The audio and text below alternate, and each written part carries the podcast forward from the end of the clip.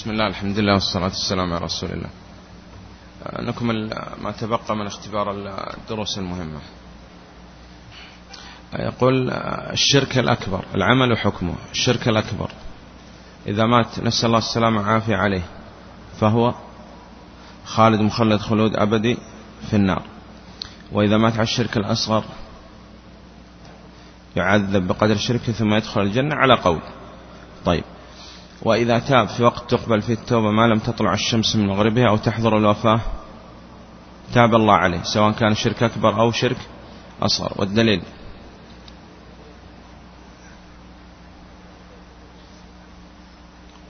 يا عباد الذين أسرفوا على أنفسهم لا تقنطوا من رحمة الله إن الله يغفر الذنوب جميعا. طيب. الشرك الخفي. نعم. حكمه. تارة يكون أكبر وتارة يكون أصغر. طيب. يقول حكم صلاة الكافر. باطلة. نعم. طيب غير صحيحة. لكن لو صلى الكافر حكمنا عليه ظاهرا بالإسلام. صحيح؟ لو صلى الكافر الآن نحكم عليه بالظاهر بماذا؟ بالإسلام.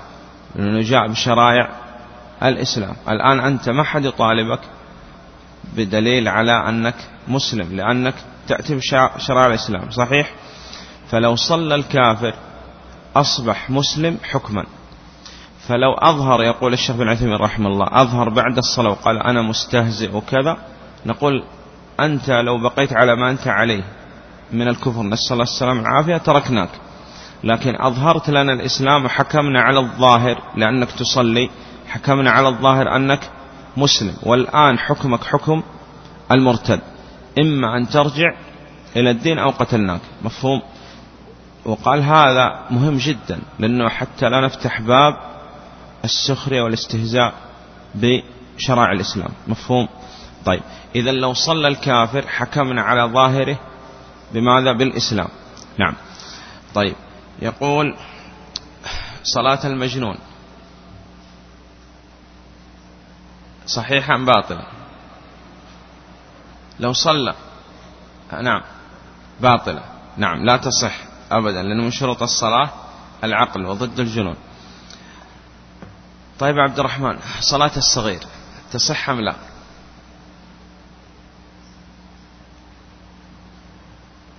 نعم الشيخ في تفصيل. إذا كان مميز فالصلاة صحيحة وإذا غير مميز فالصلاة باطلة. يقول صلى بغير وضوء ناسيا. نعم. الصلاة باطلة. ناسيا يا أخي. نعم لأنه هذا لا يقبل فيه لا جهل ولا نسيان ولا عمد. طيب صلى وعليه نجاسة. سواء كانت على الثوب أو على البدن.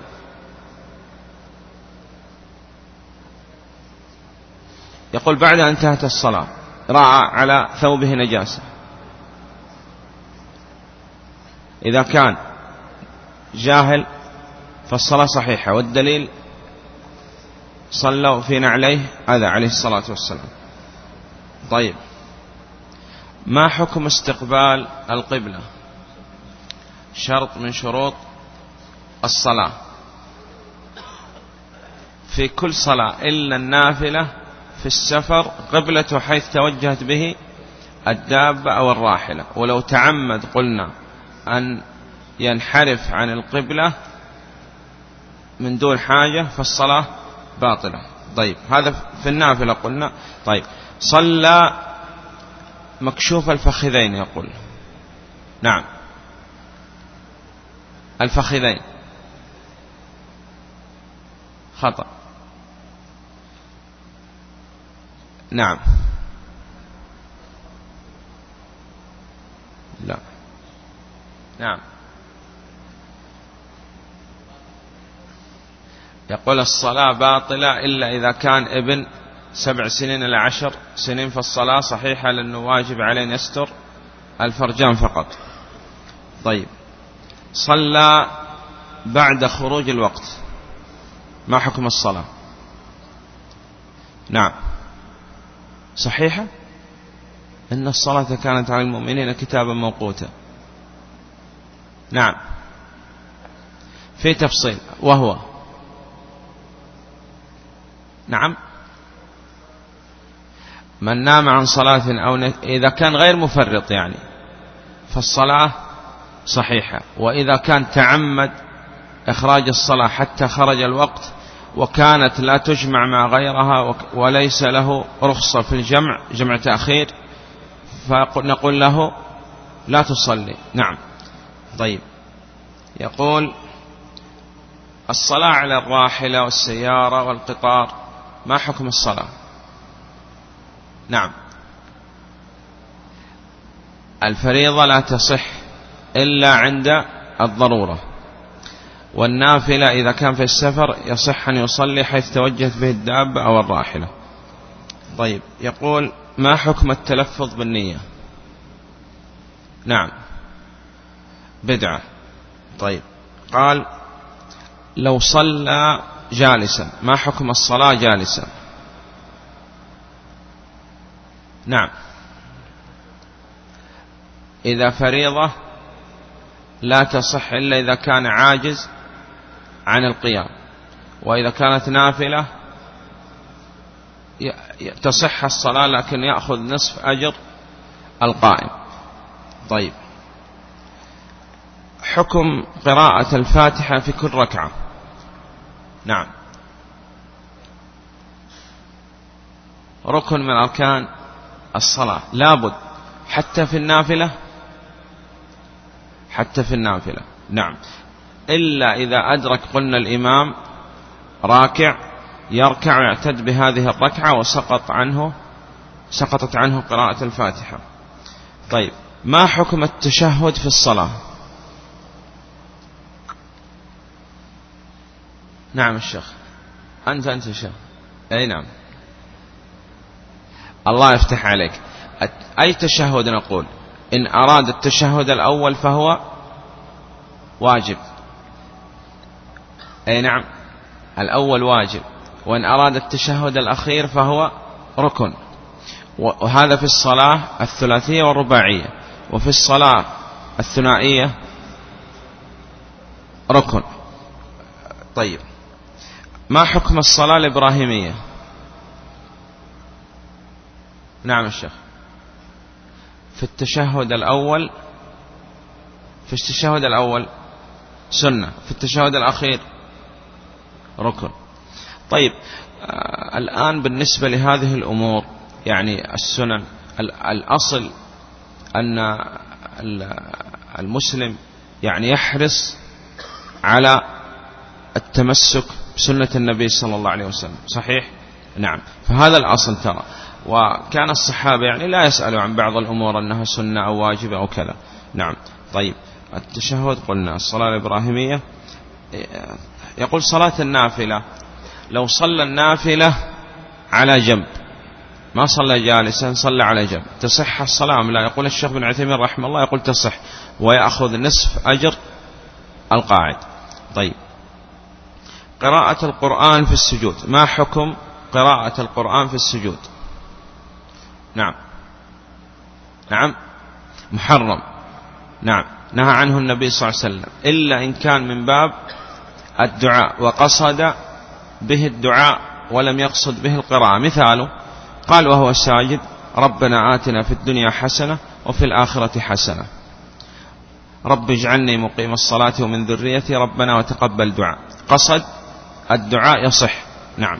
وقلنا بل الأولى أن تختار من أدعية الكتاب والسنة. طيب قراءة القرآن. يقول تكلم في الصلاة. ما حكم الكلام في الصلاة؟ نعم. نعم. طيب إذا كان عمدا فالصلاة باطلة لكن إذا تكلم عمدا لمصلحة الصلاة تصح لأن ذو اليدين تكلم وكان الكلام داخل الصلاة لأن الصلاة لم تنتهي صحيح؟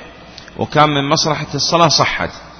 وقال الكلام العمد مع العلم والذكر. خرج به لو كان ناسي أو جاهل كما تكلم معاذ بن الحكم رضي الله عنه كان جاهل ولم يأمر النبي صلى الله عليه وسلم بإعادة الصلاة. ما حكم الالتفات في الصلاة؟ نعم الشيخ. حكمه. محرم جائز مكروه. ها؟ لا. نعم. إذا كان التفات كثير عن القبلة فهو محرم ومبطل للصلاة. وإذا التفات يسير فهو مكروه. نعم. طيب. زاد ركعة في الصلاة.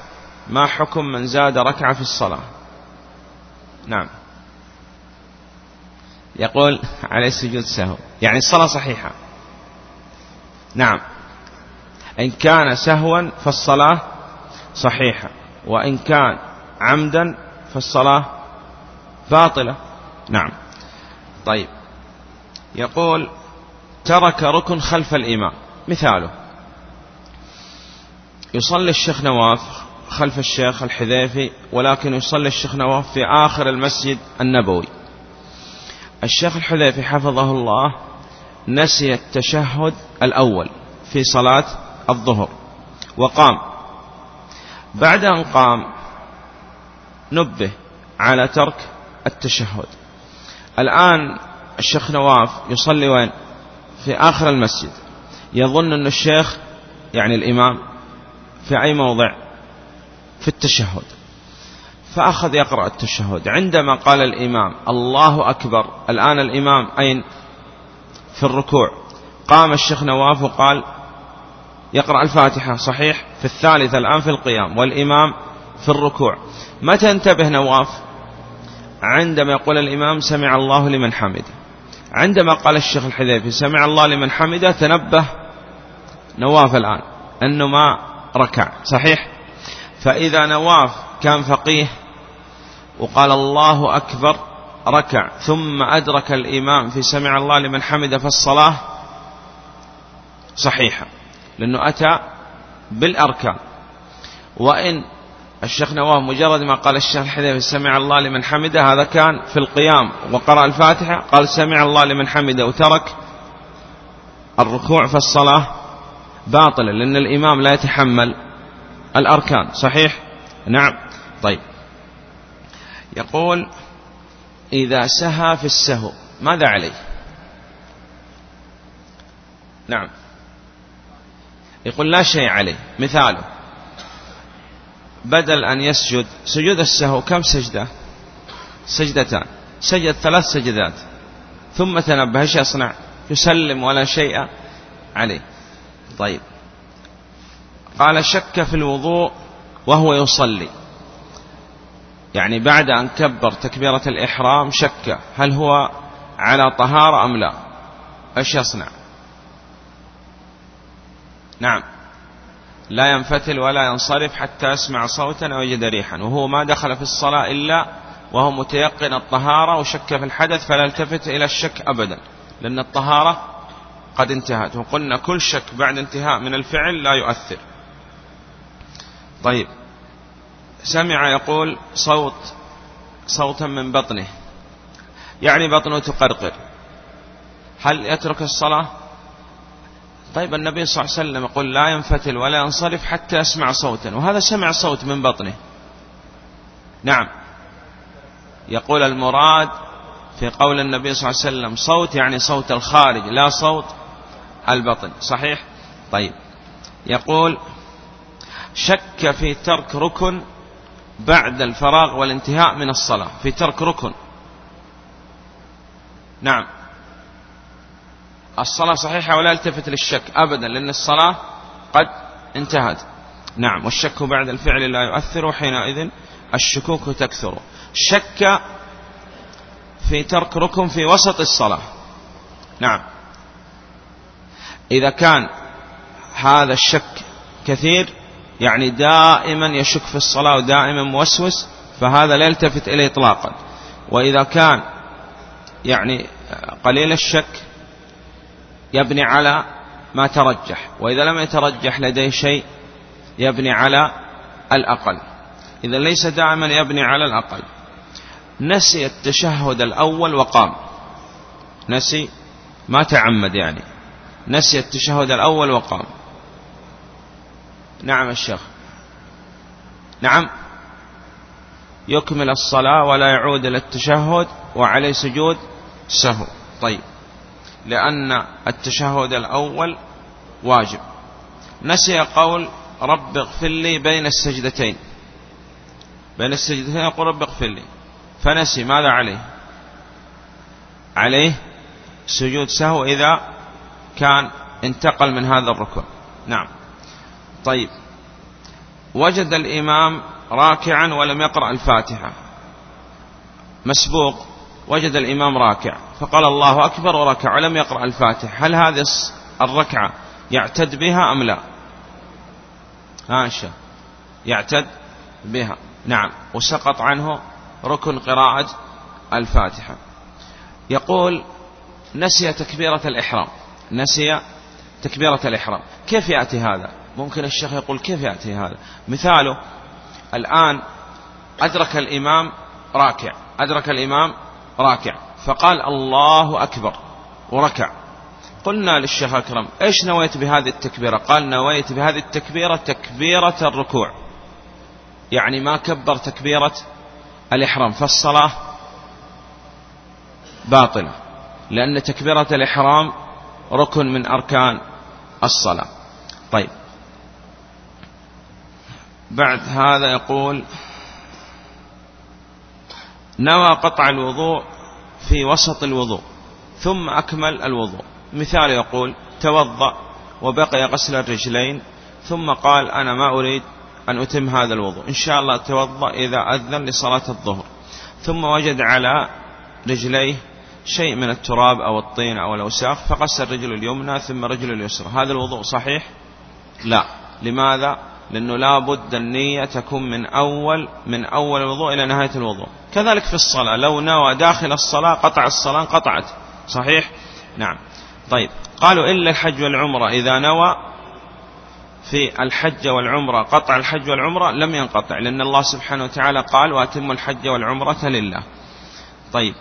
نوى إعادة الوضوء ثم صلى فيه. مثاله. الآن الشيخ أكرم صلى صلاة الفجر. متوضئ. وقال إن شاء الله إذا أذن لصلاة الظهر أعيد وضوء جديد. وبقي على الوضوء إلى أن أذن لصلاة الظهر وصلى به الظهر. فالصلاة صحيحة لأنه ما جاء ناقض من نواقض الوضوء. توضأ من أجل مس المصحف وقراءة القرآن والطواف ثم صلى بهذا الوضوء. فالصلاة والوضوء صحيح نعم. طيب. يقول يتوضأ وهو يأكل لحم جزور. نعم. باطل. نقول انتظر حتى تفرغ من الأكل لأن هذا ناقض ولا بد أولا انقطاع موجب الوضوء شرط من شروط الوضوء. يقول توضأ قبل الاستنجاء أو الاستجمار. نعم. نعم. يقول توضأ قبل الاستنجاء والاستجمار هل يلزم قبل الوضوء استنجاء أو استجمار؟ مطلقا. إذا كان خارج من السبيلين لابد أنه قبل أن يتوضأ استنجى قال الاستنجاء والاستجمار قبله. طيب أكل لحم الجزور لابد من استنجاء واستجمار؟ خروج الريح؟ لا. طيب. يقول توضأ وكان على إحدى أعضاء الوضوء شيء مانع كالعجين مثلا أو الطلاء أو بعض النساء تضع أشياء على الأظافر تسمى عندنا على اسمها مناكير يعني منكرات. نعم. فما حكم الوضوء؟ نعم. لابد أن الوضوء باطل. لابد أن يزيل هذا المانع. نعم. إلا إذا بقي شيء يسير مثلا وقال لا يمكن يعني مشقة شديدة حتى يزيل هذا المانع. قال فالصلاة صحيحة هذا اختيار شيخ الإسلام ابن تيمية رحمه الله. طيب يقول غسل الساق في الوضوء يعني مع غسل الرجلين. نعم؟ نعم مخالف لسنة النبي صلى الله عليه وسلم. نوع من أنواع التنطع. وقال النبي صلى الله عليه وسلم هلك المتنطعون. قالها ثلاثا. إلا إذا كان هذا لعارض يعني ليس من باب التعبد. مثاله وهو يغسل رجليه في الوضوء وجد على ساق شيء من التراب مثلا وغسل. لا من باب التعبد. يصح؟ يصح. طيب. أخذ ماء جديد للأذنين. هل يأخذ ماء جديد للأذنين؟ لا. نعم. طيب. تخليل اللحية. ها شيخ نواف. نعم. ما حكم تخليل اللحية؟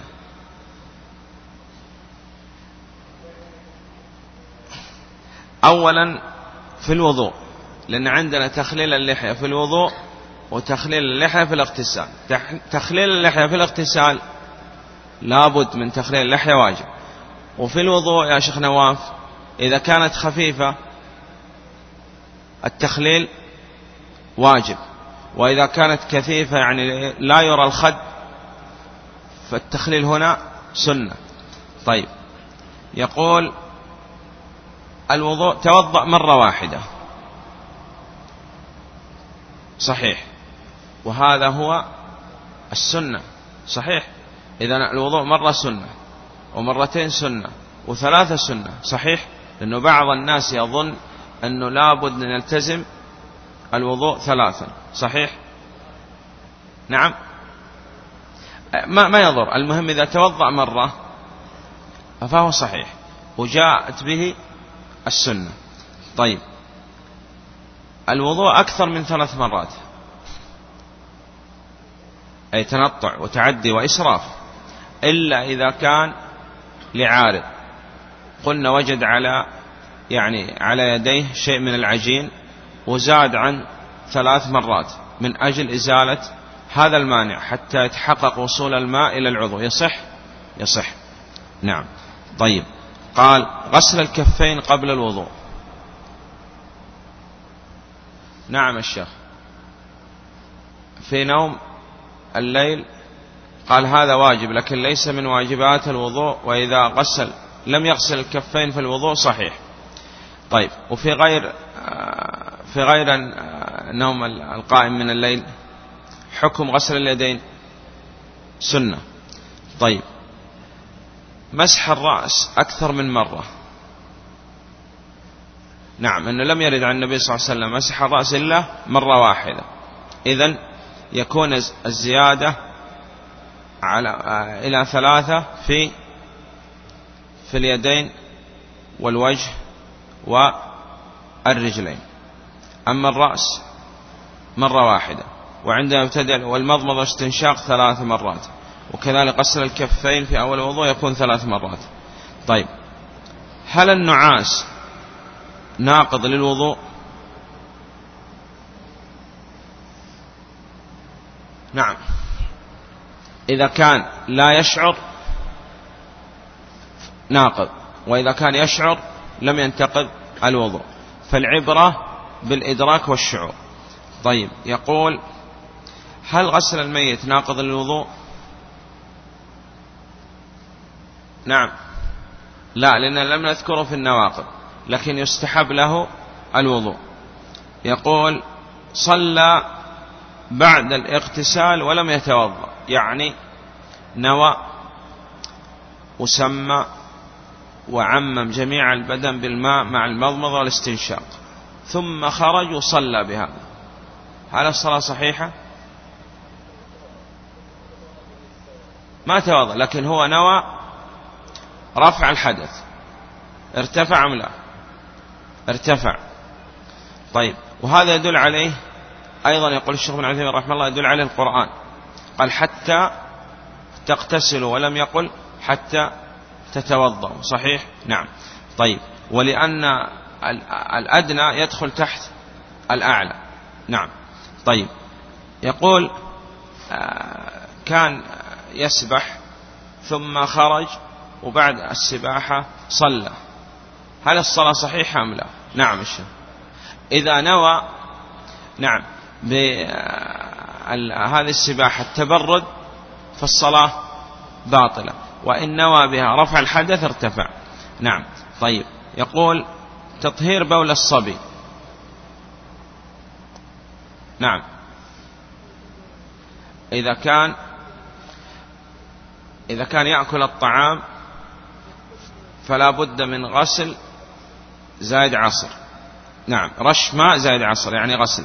وإذا كان غالب طعام هذا الطفل حليب الأم نعم. فينضح بالرش فقط دون عصر. تطهير بول الجارية بالغسل. طيب. زيارة النساء للقبور. نعم. من كبائر الذنوب كما رجح ذلك شيخ الإسلام ابن تيمية رحمه الله انتصر لهذا القول. الشيخ بن عثيمين رحمه الله في القول المفيد فليراجع. ترك تكبيرة من تكبيرات صلاة الجنازة التكبيرات الأربع. نعم. الصلاة باطلة. طيب في التكبيرات الزوائد سنة ولا شيء عليه. طيب وترك تكبيرة من تكبيرات العيد. إذا الأولى قلنا هي تكبيرة إيش؟ الإحرام في الركعة الأولى.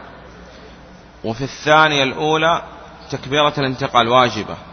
والزائد سنة. فلو تركها لا شيء يعني الصلاة صحيحة. نعم. طيب. زيارة قبر النبي صلى الله عليه وسلم. ما حكم زيارة قبر النبي صلى الله عليه وسلم؟ قال زيارة قبر النبي صلى الله عليه وسلم يقول محمد عبد الوهاب رحمه الله من أفضل الأعمال بشرط أن لا يشد لها الرحل ولا يجعل زيارة قبر النبي صلى الله عليه وسلم يعاد وتكرر ولا يقصد قبر النبي صلى الله عليه وسلم ويصنع هناك شيء مما نهى الله عنه أو نهى عنه رسوله صلى الله عليه وسلم كان يتقصد الدعاء عند قبر النبي صلى الله عليه وسلم أو الصدقة أو قراءة القرآن أو من ذلك. طيب زيارة شهداء بدر. مثال الشيخ أكرم يريد أن يسافر إلى بدر من أجل زيارة شهداء بدر. يصح أم لا؟ نعم. لماذا النبي صلى الله عليه وسلم يقول زوروا القبور؟ نعم. أنه قال لا تشد الرحال وهذا شد رحل ما يصح. لكن إن والسفر ومر بالطريق وكان مروره على آه، قرية هذه أو مدينة بدر ومر هناك وسلم على القبور ولم يقصد بهذا السفر شد الرحل يصح أم لا؟ يصح. نعم. طيب. ما هو الفرق يقول بين الشرط والركن؟ ها الشيخ. أولا الركن الركن داخل الصلاة والشرط خارج الصلاة. الثاني أن الركن يمتد الشرط يمتد في كل العبادة والركن في جزء من أجزاء العبادة. واتفق الشرط والركن أنه لا يقبل فيهما لا جهل ولا نسيان ولا عمد. إلا قلنا الشرط واحد وهو لو صلى وعليه نجاسة وكان لا يعلم بهذه النجاسة في الصلاة صحيحة لورود هذا عن النبي صلى الله عليه وسلم ولأن هذا ترك وليس بفعل. طيب الفرق بين الركن والواجب ولماذا قلنا ما هو الفرق بين الركن والواجب ولم نقل ما هو الفرق بين الشرط والواجب؟ لأنه تقدم معنا أن الشرط خارج ماهية العبادة طيب ما هو الفرق بين الواجب والركن؟ نعم الشيخ أن الواجب يقبل فيه الجهل والنسيان. واتفق هو الركن أنه لا يقبل العمد. واتفق هو الركن أنه كلاهما داخل العباد. الفرق بين السنة والواجب أن السنة يقبل فيها الجهل والنسيان والعمد لكن يعني الأصل العمل بسنة النبي صلى الله عليه وسلم. صحيح؟ نعم. طيب. والله أعلم. وصلى الله على محمد وعلى صحبه وسلم. غدا إن شاء الله يعني نرى ما يعني نأخذ. الله أعلم أننا نريد ندرس غدا نواقض الإسلام. طيب تحضروا لنا نواقض الإسلام وإلى غدا إن شاء الله. جزى الله الشيخ خير الجزاء. مع تحيات إخوانكم في مؤسسة دار ابن رجب للإنتاج الإعلامي والتوزيع بالمدينة النبوية.